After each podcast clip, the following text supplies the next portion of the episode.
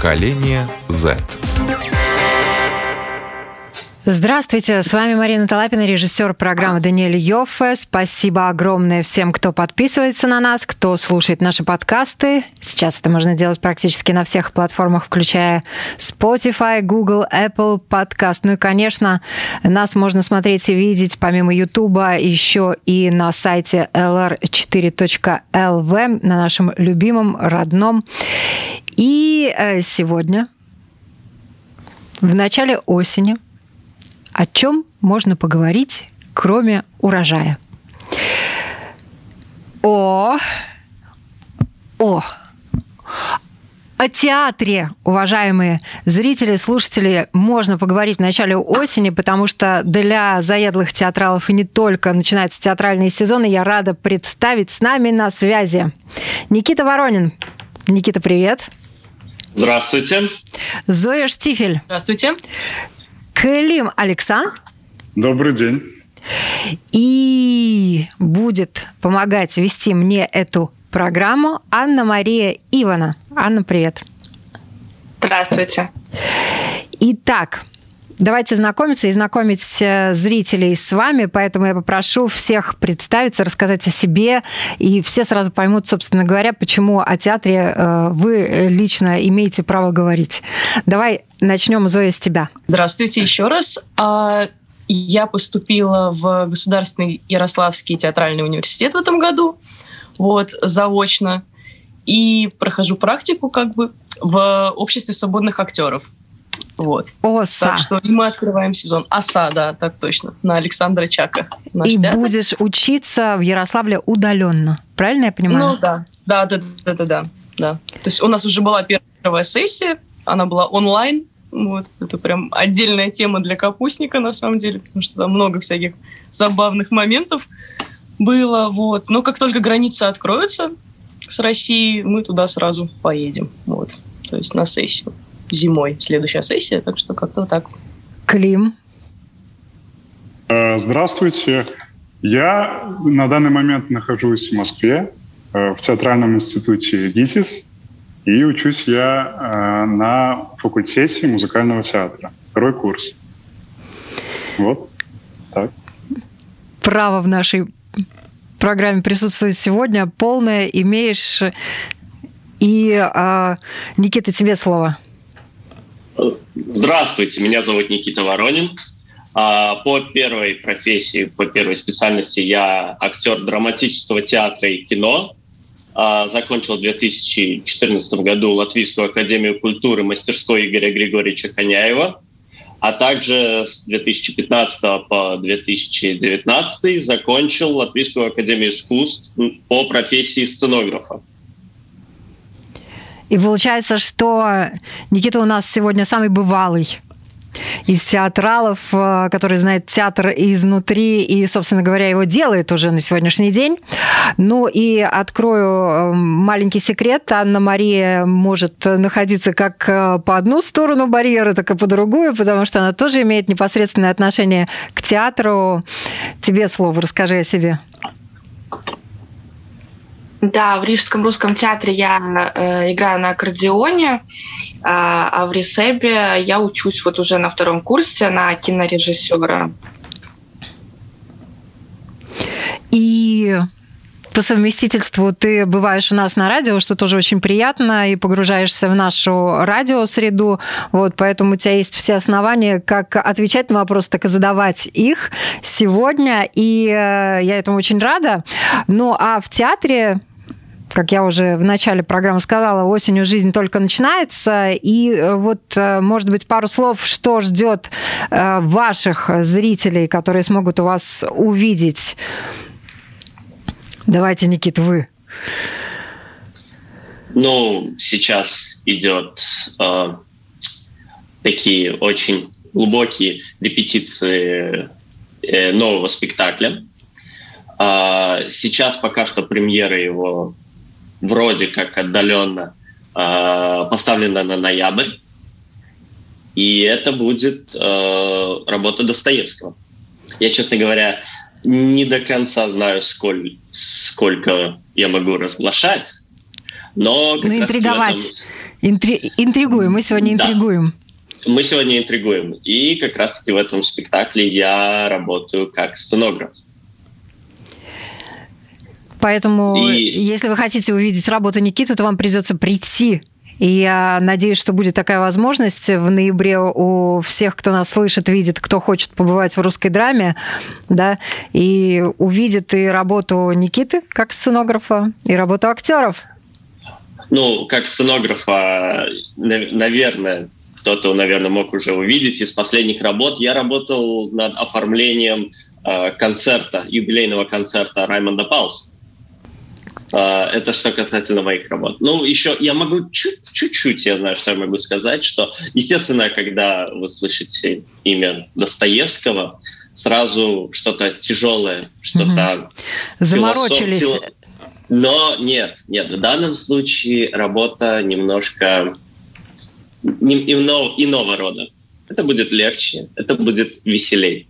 Ребят, вообще хочется узнать, как э, началась ваша театральная жизнь, с чего она началась, вот именно почему вы выбрали театр как основной род своей деятельности. И сейчас я спрошу, наверное, Клима, а потом подхватит и ответит все остальные ребята, хорошо? Достаточно долгая история, но я вкратце расскажу, что мне удалось поступить э, в Москву э, по квоте на обучение – и я, безусловно, очень рад. И до этого я вообще не был связан с театром вообще. Я занимался спортом и профессионально волейболом. И затем начал заниматься вокалом. И поступил сюда на специальность муз-театр, э, и мы поем оперу. И сейчас на данный момент мы как раз э, готовим э, одну итальянскую оперу, второй акт. Первый акт мы уже показывали э, вот, э, весной. И вот сейчас идет полным ходом работа. Вот так вот я оказался, собственно, в театре, и э, я только познаю театр только сейчас, буквально вот недавно. До этого вообще моя жизнь была абсолютно другая. И как тебе это погружение? Мне очень нравится. Это заставляет вообще мыслить по-другому, да, познавать себя, познавать людей. И еще очень интересно то, что мы, мы же изучаем здесь э, не только актерское мастерство, но еще мы делаем, у нас сценическое движение, у нас танец, ты изучаешь полностью свое тело, и еще ты должен петь, да, и петь не, не просто, а петь академическим вокалом оперу. Получается, ты поешь, и у тебя действия, и это, мне кажется, раскрывает все полушария. Зоя. Более такая банальная история. Не, ну театром всегда хотела заниматься, как бы сколько я себя помню. То есть, когда там совсем малая была, это всякие студии. Помню, в реверанс ходила, и после этого я такая, ну все, как бы все. Я, вариантов больше нет. То есть сцена всегда манила, скажем так. Потом были перерывы, когда когда я как-то искала себя, и не было театра в моей жизни, вообще не помню, что было в моей жизни в тот период, кроме такого, чего же я все-таки хочу. И три года назад я попала в АСУ, и все, я поняла, что это любовь, и как бы, да, и получается, мы вот э, не могли поступить из-за того, что были закрыты границы какое-то время, то есть поступили в этом году, и я поступила в Академию культуры тоже в этом году, и вот у меня был выбор, я все-таки выбрала Ярославский. Вот. И так что, да, я понимаю, что это... То есть я не вижу себя больше ни в какой другой сфере, наверное. То есть здесь есть все, по-моему, в театре. Вот как-то так. И полностью соглашаюсь с предыдущим оратором на тему самого вот изучения себя изнутри, снаружи и всех остальных. Вообще, ну, очень интересно, на самом деле. Так что это так. Анна-Мария, я тоже позволю тебе задать этот вопрос. Вот как у тебя проходило твое знакомство с театром? Вообще, к сожалению, первый раз я попала в театр, а, когда, наверное, мне было где-то 16 лет, только 16 лет. И, как сейчас помню, это было не все коту масленица. Э, там, может быть, как символично, там тоже баянист был в этом спектакле. Ну вот, как-то я первый раз тогда познакомилась, и вообще узнала, что, что такое театр, что у нас в Риге существует, и какое, что, что это за магия спектакля, что происходит на сцене. И как-то этим заинтересовалась. А, и потом, а, там, через несколько лет, а, вот пошла работать билетером в театре. Проработала там два года. Вот как-то там поучаствовала с аккордеоном Э, Пересмотрела, наверное, тоже все спектакли, естественно. Да, это вообще я обожала эту работу. Это просто идеальная работа была, а, потому что можно посмотреть спектакли по несколько раз и анализировать их. Ну, вообще прекрасная работа, да.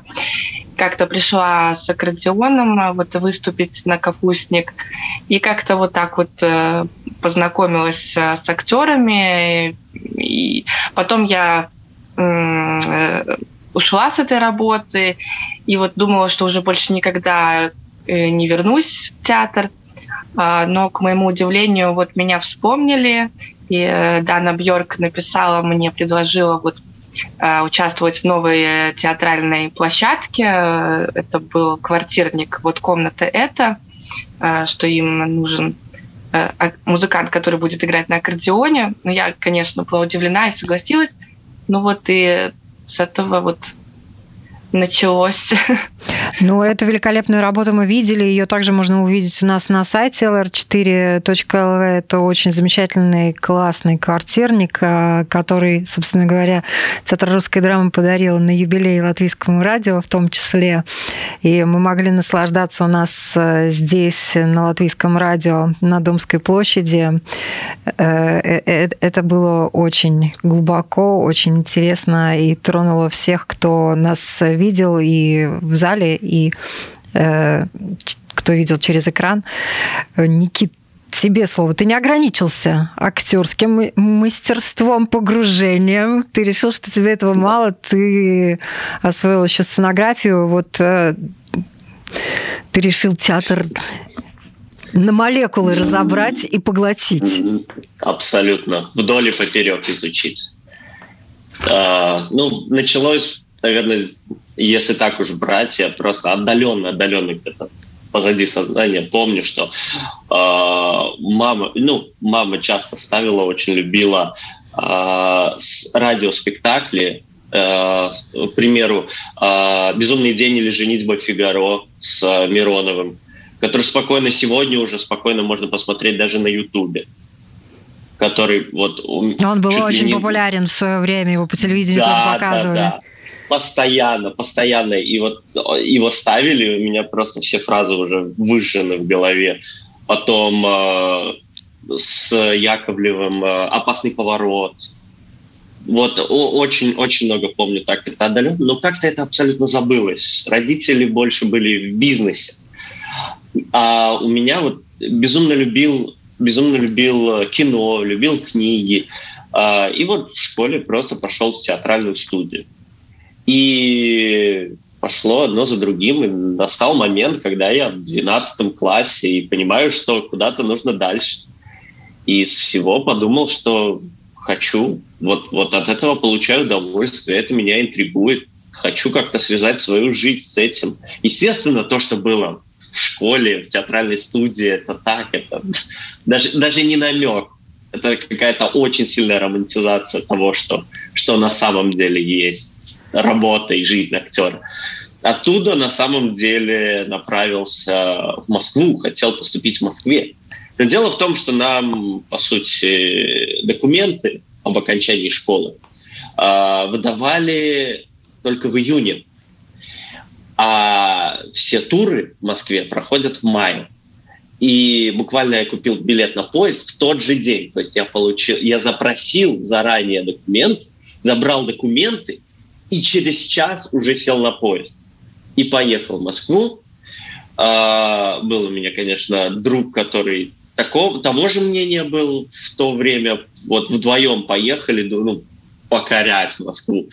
Но, к сожалению, там уже все туры прошли, и нам в двух местах, куда мы в двух местах, куда нас захотели послушать, нас послушали и сказали, ну, знаете что, приезжайте в следующем году, потому что, ну, сейчас ребята уже все прошли, а вы тут в самый последний момент появились.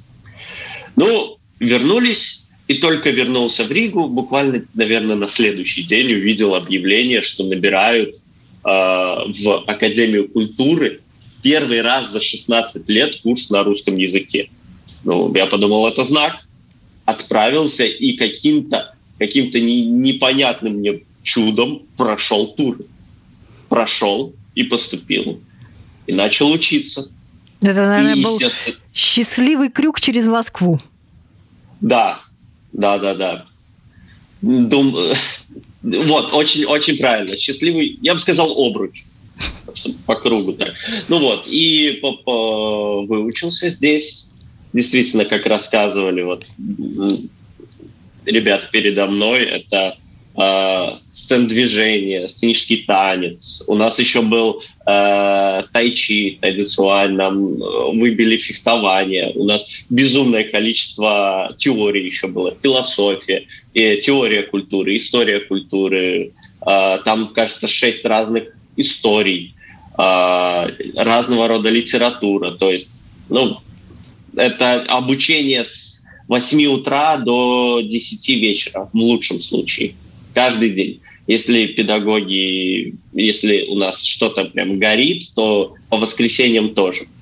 Uh, то есть вообще времени на какие-то выходные, на свои планы, на проекты. У нас было очень камерное обучение, и мы, наверное, первый раз вышли на сцену и начали работать с другими актерами, по-моему, только под конец третьего курса.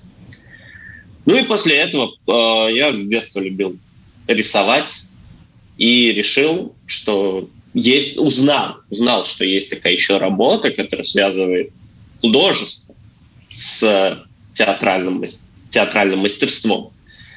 Меня это очень сильно заинтриговало, и появилась возможность связи, чтобы как-то узнать, как к этому подготовиться. Э, и э, вот очень-очень интенсивно я готовился к тому, чтобы попасть вот э, на курс, который обучал э, Фредерикс.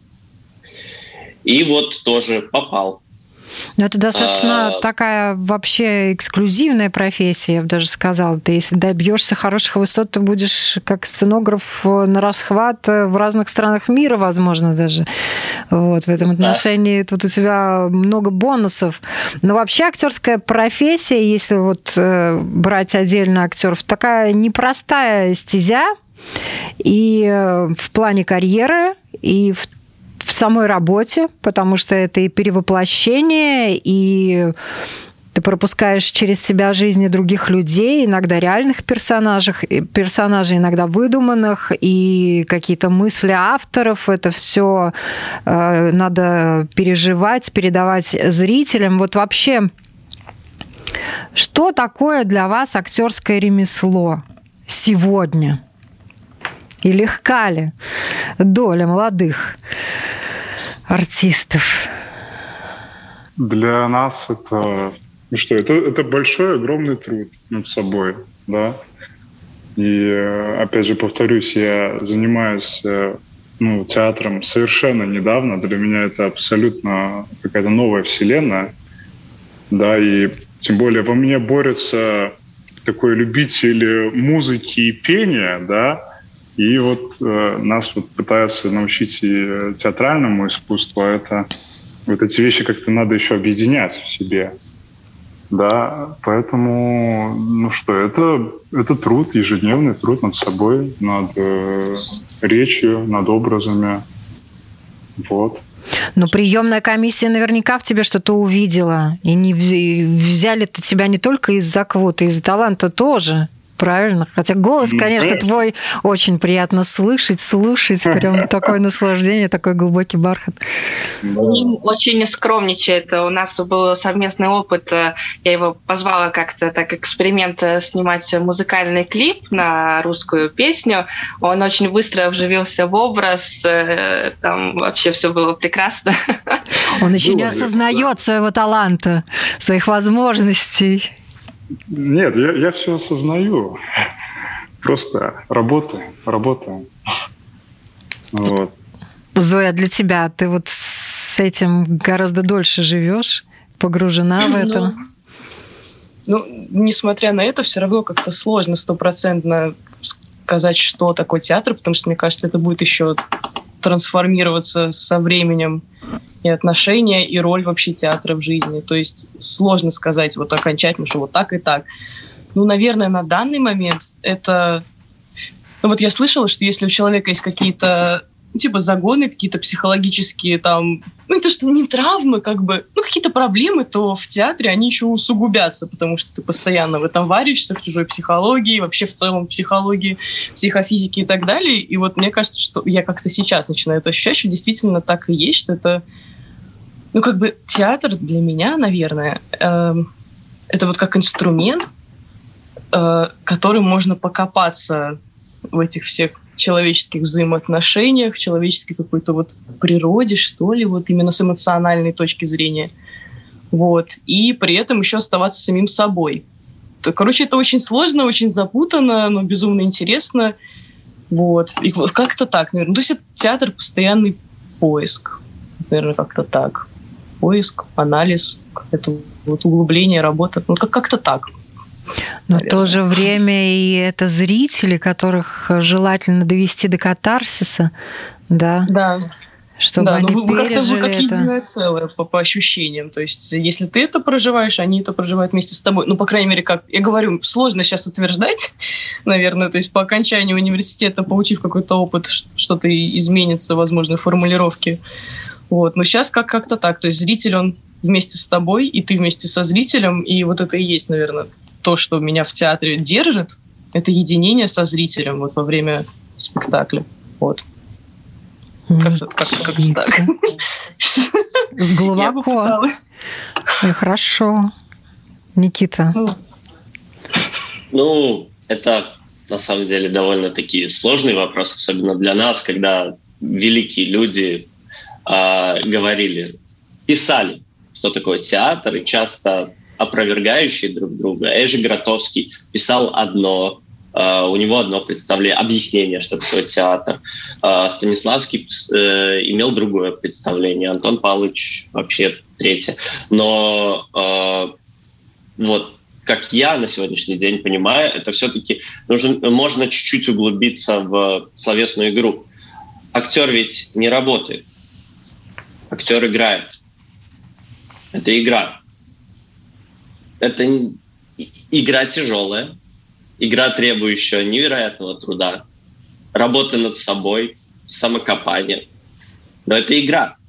И я, я все... Да. Я просто слышала, что театр — это искусственное отображение жизни. Да? То есть такую фразу. Вот. То есть это как бы жизнь, но она искусственная в то же время. То есть, может быть, это как-то связано?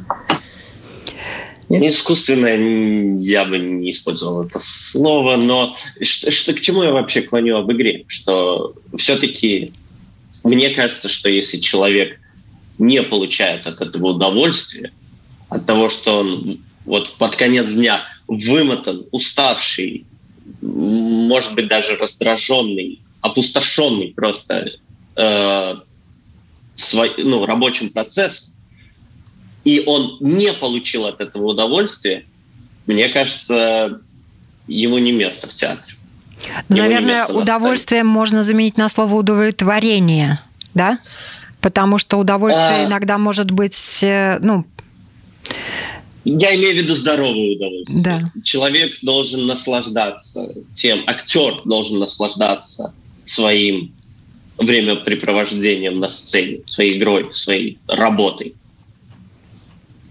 В иное время, если он делает это через силу, через усилие, тогда это не, ну, ни он не удовлетворяется, ни зритель не получает удовольствия играющий человек, он сразу живой. Наверное, поэтому даже люди смотрят спорт. Спортивные, они ведь тоже игры. И людям интереснее наблюдать, интереснее наблюдать за, за, за неч- нечто живым. Ведь э, даже, даже обыватель, когда придет, если актер плохо играет, и обыватель смотрит сюжет, ему неинтересно, он скучает. Ему пересказывают сюжет. Как только актер играет, как только актер посвятил себя этой роли, как он сам получает от этого и удовольствие, и удовлетворение, и, зри- и зрителю сразу становится интересно. Он воспринимает это как нечто живое. Ну, бесспорно, и то, что спектакль живет один день, это тоже известный факт, да, и это командная, опять же, игра, да, да все зависит от каждого э, человека, который выходит на сцену, и тут очень много э, важных таких моментов, э, и сегодня зрители могут уйти под очень глубоким впечатлением. Завтра это впечатление может быть тоже глубоким, но другим. Потому что спектакль сегодня он такой, а завтра он может быть немножко другим. Вы, наверное, как актеры тоже это видите, чувствуете, правильно? Эм, Анна-Мария, слово тебе.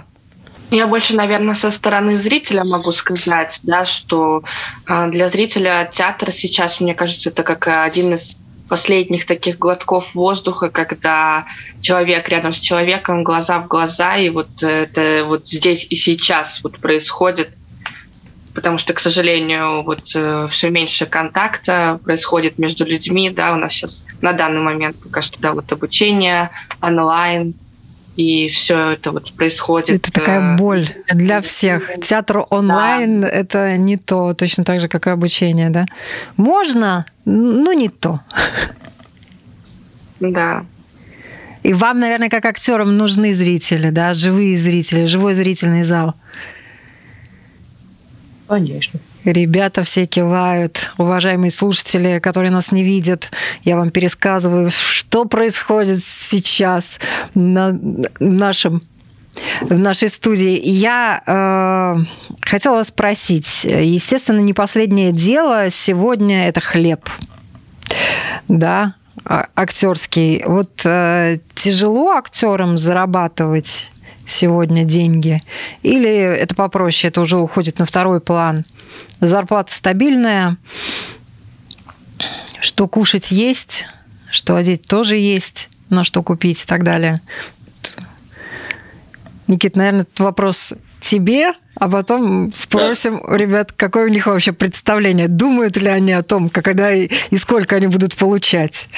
Даже без осложнений, социальных осложнений, все равно, чтобы хватало, так сказать, на хлеб с маслом, это постоянные подработки по, по так, когда помладше лет, это еще работа аниматором, тому подобное. Потом это а, озвучки, рекламы, а, подработки в кино.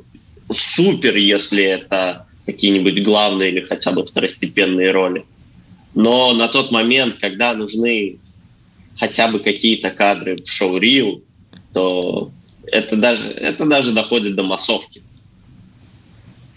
А, это достаточно такой, я бы сказал, даже чуть-чуть болезненный вопрос. Потому что если ты входишь в эту, в эту профессию, нужно входить только если ты действительно любишь искусство, любишь театр, и прям тянет, тянет связать с этим свою жизнь. Иначе ты и чувствуешь, что иначе ты просто будешь несчастлив. Э, если у тебя нет такой тяги, то пиши пропало. Имеет смысл освоить другую профессию, да? Или параллельно заниматься. А вот Клим, кстати, оперы, э, ты уже участвовал, сейчас э, ставите вам хоть какую-то копеечку за это будет заплачено? А, знаете, поскольку это ну, в учебную программу входит, копеечки никакой не будет. Это ну, процесс Практика, обучения. да. Да, практика, да, будет в учебном театре, поэтому нам приходится также где-то подрабатывать, да. В моем случае я пою, да, за деньги. Другие ребята, например, которые на драматических учатся, они на нескольких работах сразу работают и ночью. Буквально ну, мой сосед, с которым я живу, он ночью работает, приходит, днем спит, потом просыпается идет в театр. И вообще, по словам ребят э, здесь, э, в Москве, очень проблематично молодым артистам даже талантливым устроиться вообще на работу, потому что все решают э, связи. Связи. Здесь. Блат. Блат, да. И так что приходится трудно подрабатывать, но такова наша жизнь.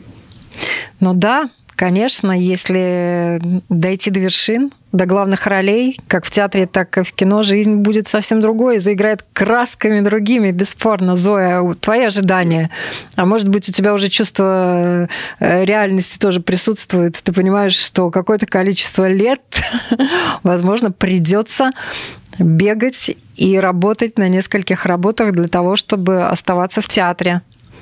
Ну, отчасти, да, конечно, присутствует это осознание. Но не знаю, вот как, пока я этим занимаюсь, я не задумываюсь о том, как там будет потом, буду ли я зарабатывать этим какие-то бешеные деньги. То есть я просто в этом процессе и все. Но, конечно, мысли посещают. Хотелось бы, конечно, и заниматься любимым делом, и зарабатывать. Но вот ну, сейчас я, моя работа никак не связана с театром. Чем ты вот. помимо занимаешься, чтобы зарабатывать? А я официантка. Не, ну отчасти это наблюдение за людьми, тоже как бы все можно в театр Ну, на самом деле, это нормальная работа для многих студентов э, разных факультетов э, и университетов. Конечно, конечно. Я не жалуюсь, все здорово. То есть, да, но иногда, если там в массовке какие-то предложения, то есть я за все цепляюсь, если вдруг что. Вот, ну и просто пока делаю дело, стараюсь особо не задумываться. Родители, конечно, спрашивают там об этом всем, и ты такой, не-не, ребят, я просто, я ловлю кайф. Вот, вот это ну, хорошая да, тема, что сказали родители, когда узнали, куда да. вы поступаете. Есть такое, да. Вот. Как-то так.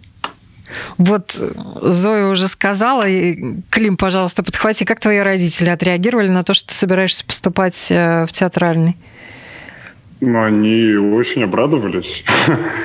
И, ну, потому что ну, они знают, что я люблю искусство, музыку, и они всеми руками только за. Клим, уезжай. Мне тебя больше видеть.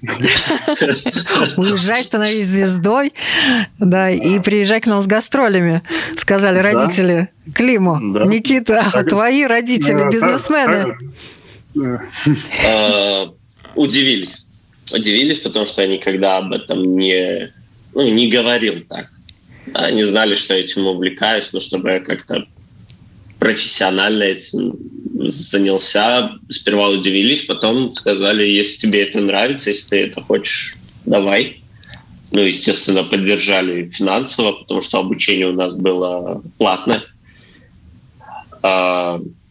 Ну да, не было ни, никакого такого, как обычно показывают в кино, что гнобят. Нет, ты станешь доктором или тому подобное. Нет, нет, поддержали и очень любя отнеслись.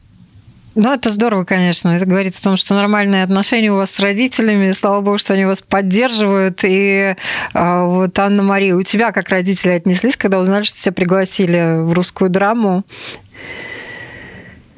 Ну, у меня, к сожалению, э, уже давно мамы нет в живых, поэтому я уже э, как сама все э, решаю, что мне делать, но меня мама отдала в музыку, вот в пять лет она меня отвела. Правда, она хотела, чтобы я играла на гитаре и пела романсы, но директор музыкальной школы тогда сказала, знаете, у нас недобор вот на аккордеон, это хороший инструмент, давайте мы ее туда, вот, и начала учиться. Так что я думаю, что она рада. Что все получилось, что да. ты пошла дальше. Вообще, вообще, я думаю, что все вот зависит э, от удачи. А, вот если мы говорим о карьере, да, это очень большое значение. Просто вот кому-то везет, а кому-то нет. И еще я думаю, что вот э, сколько ты вкладываешь, тебе потом это все вернется, потому что вокруг всегда есть люди, которые они э, ну, все видят и замечают, что, например, человек старается, и много-много работает, и талантливый, и как-то вот все способствует, и вот как-то помогают Но даже у известных актеров очень разные пути в развитии карьеры, и они становятся иногда известными в лет 40, в 50, и бывают у них э, периоды, когда они работают грузчиками и спиваются, и какой-то режиссер там о ком-то вспоминает, вытаскивает, и потом вот он раскрылся и талант свой показал, и это проходит десятилетия, да, для того, чтобы вот э, все-таки человека узнали, и он стал достойно зарабатывать и так далее. Пути очень разные. Вот Зоя, а, нам прислала фрагменты репетиции, за что тебе спасибо громадное. И там есть такая нежная, интимная сцена. И хотя вы даже с вашим партнером на самом деле там не соприкасаетесь, но понятно, что эта сцена интимная. Вот сейчас фильмы, спектакли, они прям переполненные, я бы даже сказала, жестокими Э, постельными сценами актеры не только раздеваются, очень много откровенных э, вещей показывают на экране. Вот вы к этому в своей карьере готовы? Потому что в театре это тоже модно, это тоже актуально. Ну, что касается отрывка, то, что я скинула, там все будет очень мило, вот, очень трогательно э, и нежно. так что там как бы никакой жестокости. Бесспорно, да-да-да. Я как раз привела пример, что у вас все очень Душевненько. Душевно, ласково и нежно, но то, что да. мы видим с экрана, то мы видим с экрана.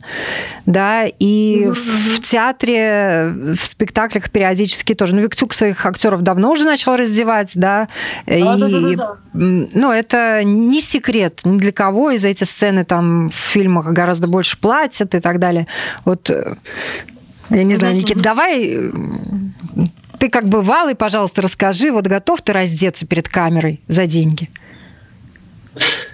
Когда? Нет. А, э, дело в том, что это должно быть обосновано. Если это действительно обосновано, ну, то как бы окей, я, я играю эту роль, и здесь получается. Это, это, это входит в эту роль.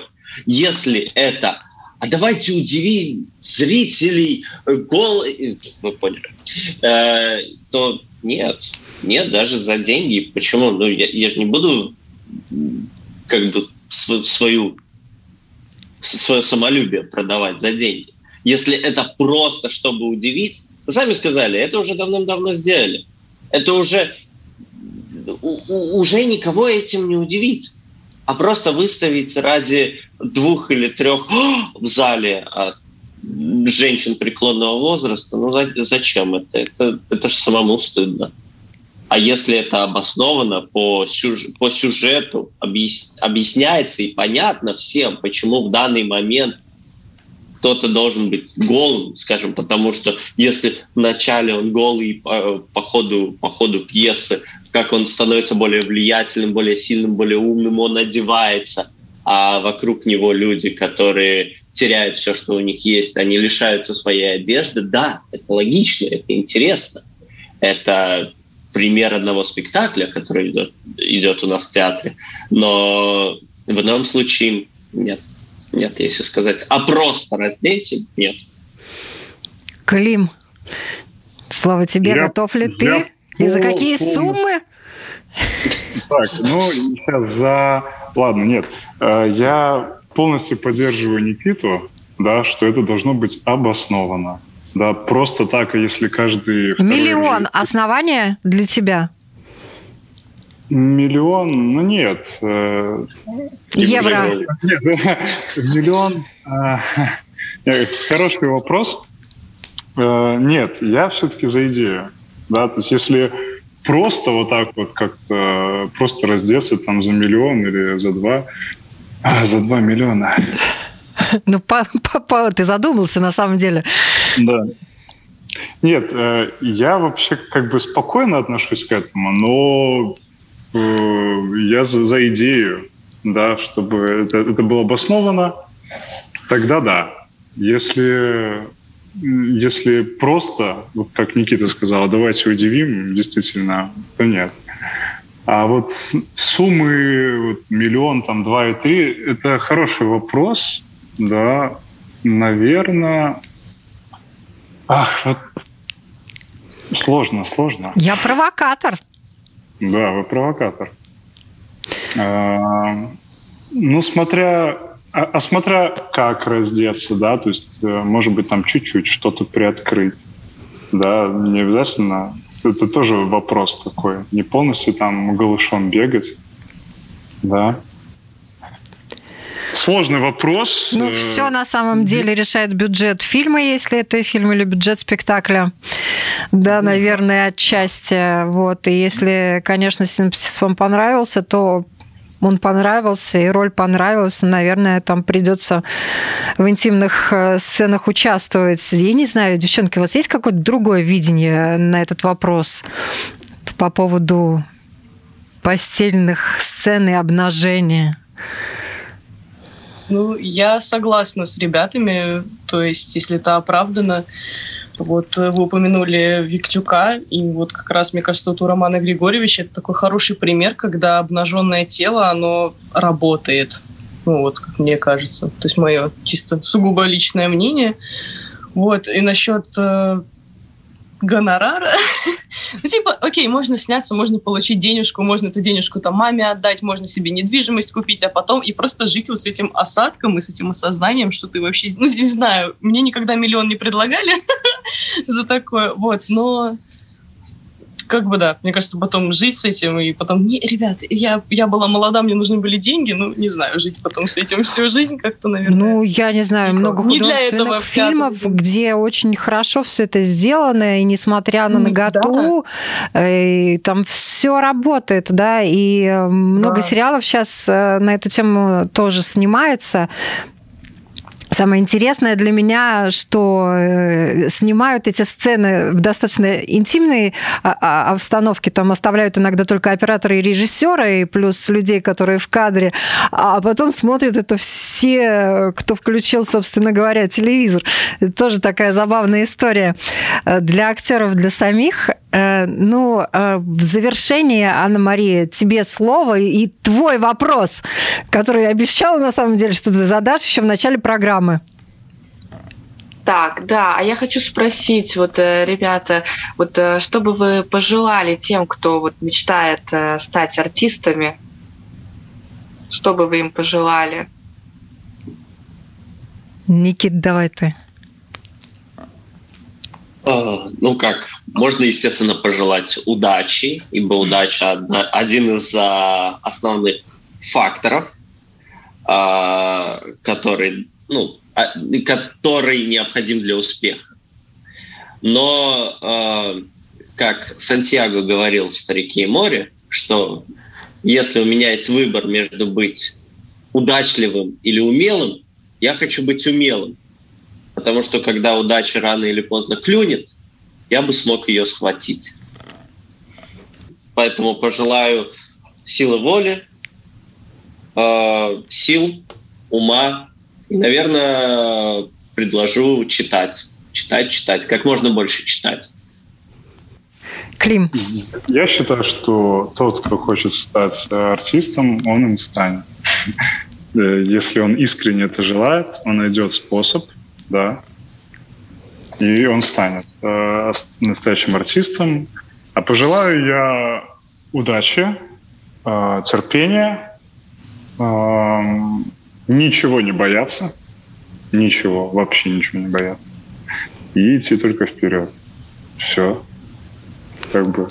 Зоя. Тот, кто, да, я считаю, тот, кто искренне чего-то желает, он добьется этого. Зоя. Вот.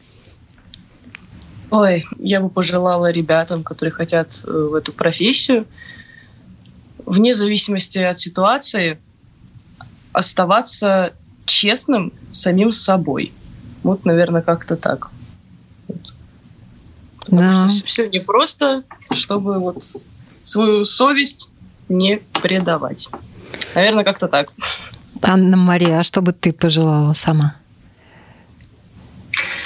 Я думаю, не сомневаться в себе, э, в здоровом смысле таком. Вот, а то сомнения, они очень часто вот отговаривают использовать какую-то возможность, очень необходимую тебе, и не предавать себя. Спасибо вам большое за эту беседу. Я напоминаю, Никита Воронин, Зоя Штифель, Клим Александр, Анна Мария Ивана. Запомните эти имена. И я всем пожелаю да случится с вами катарсис, и не только в театре. Всем хорошего дня.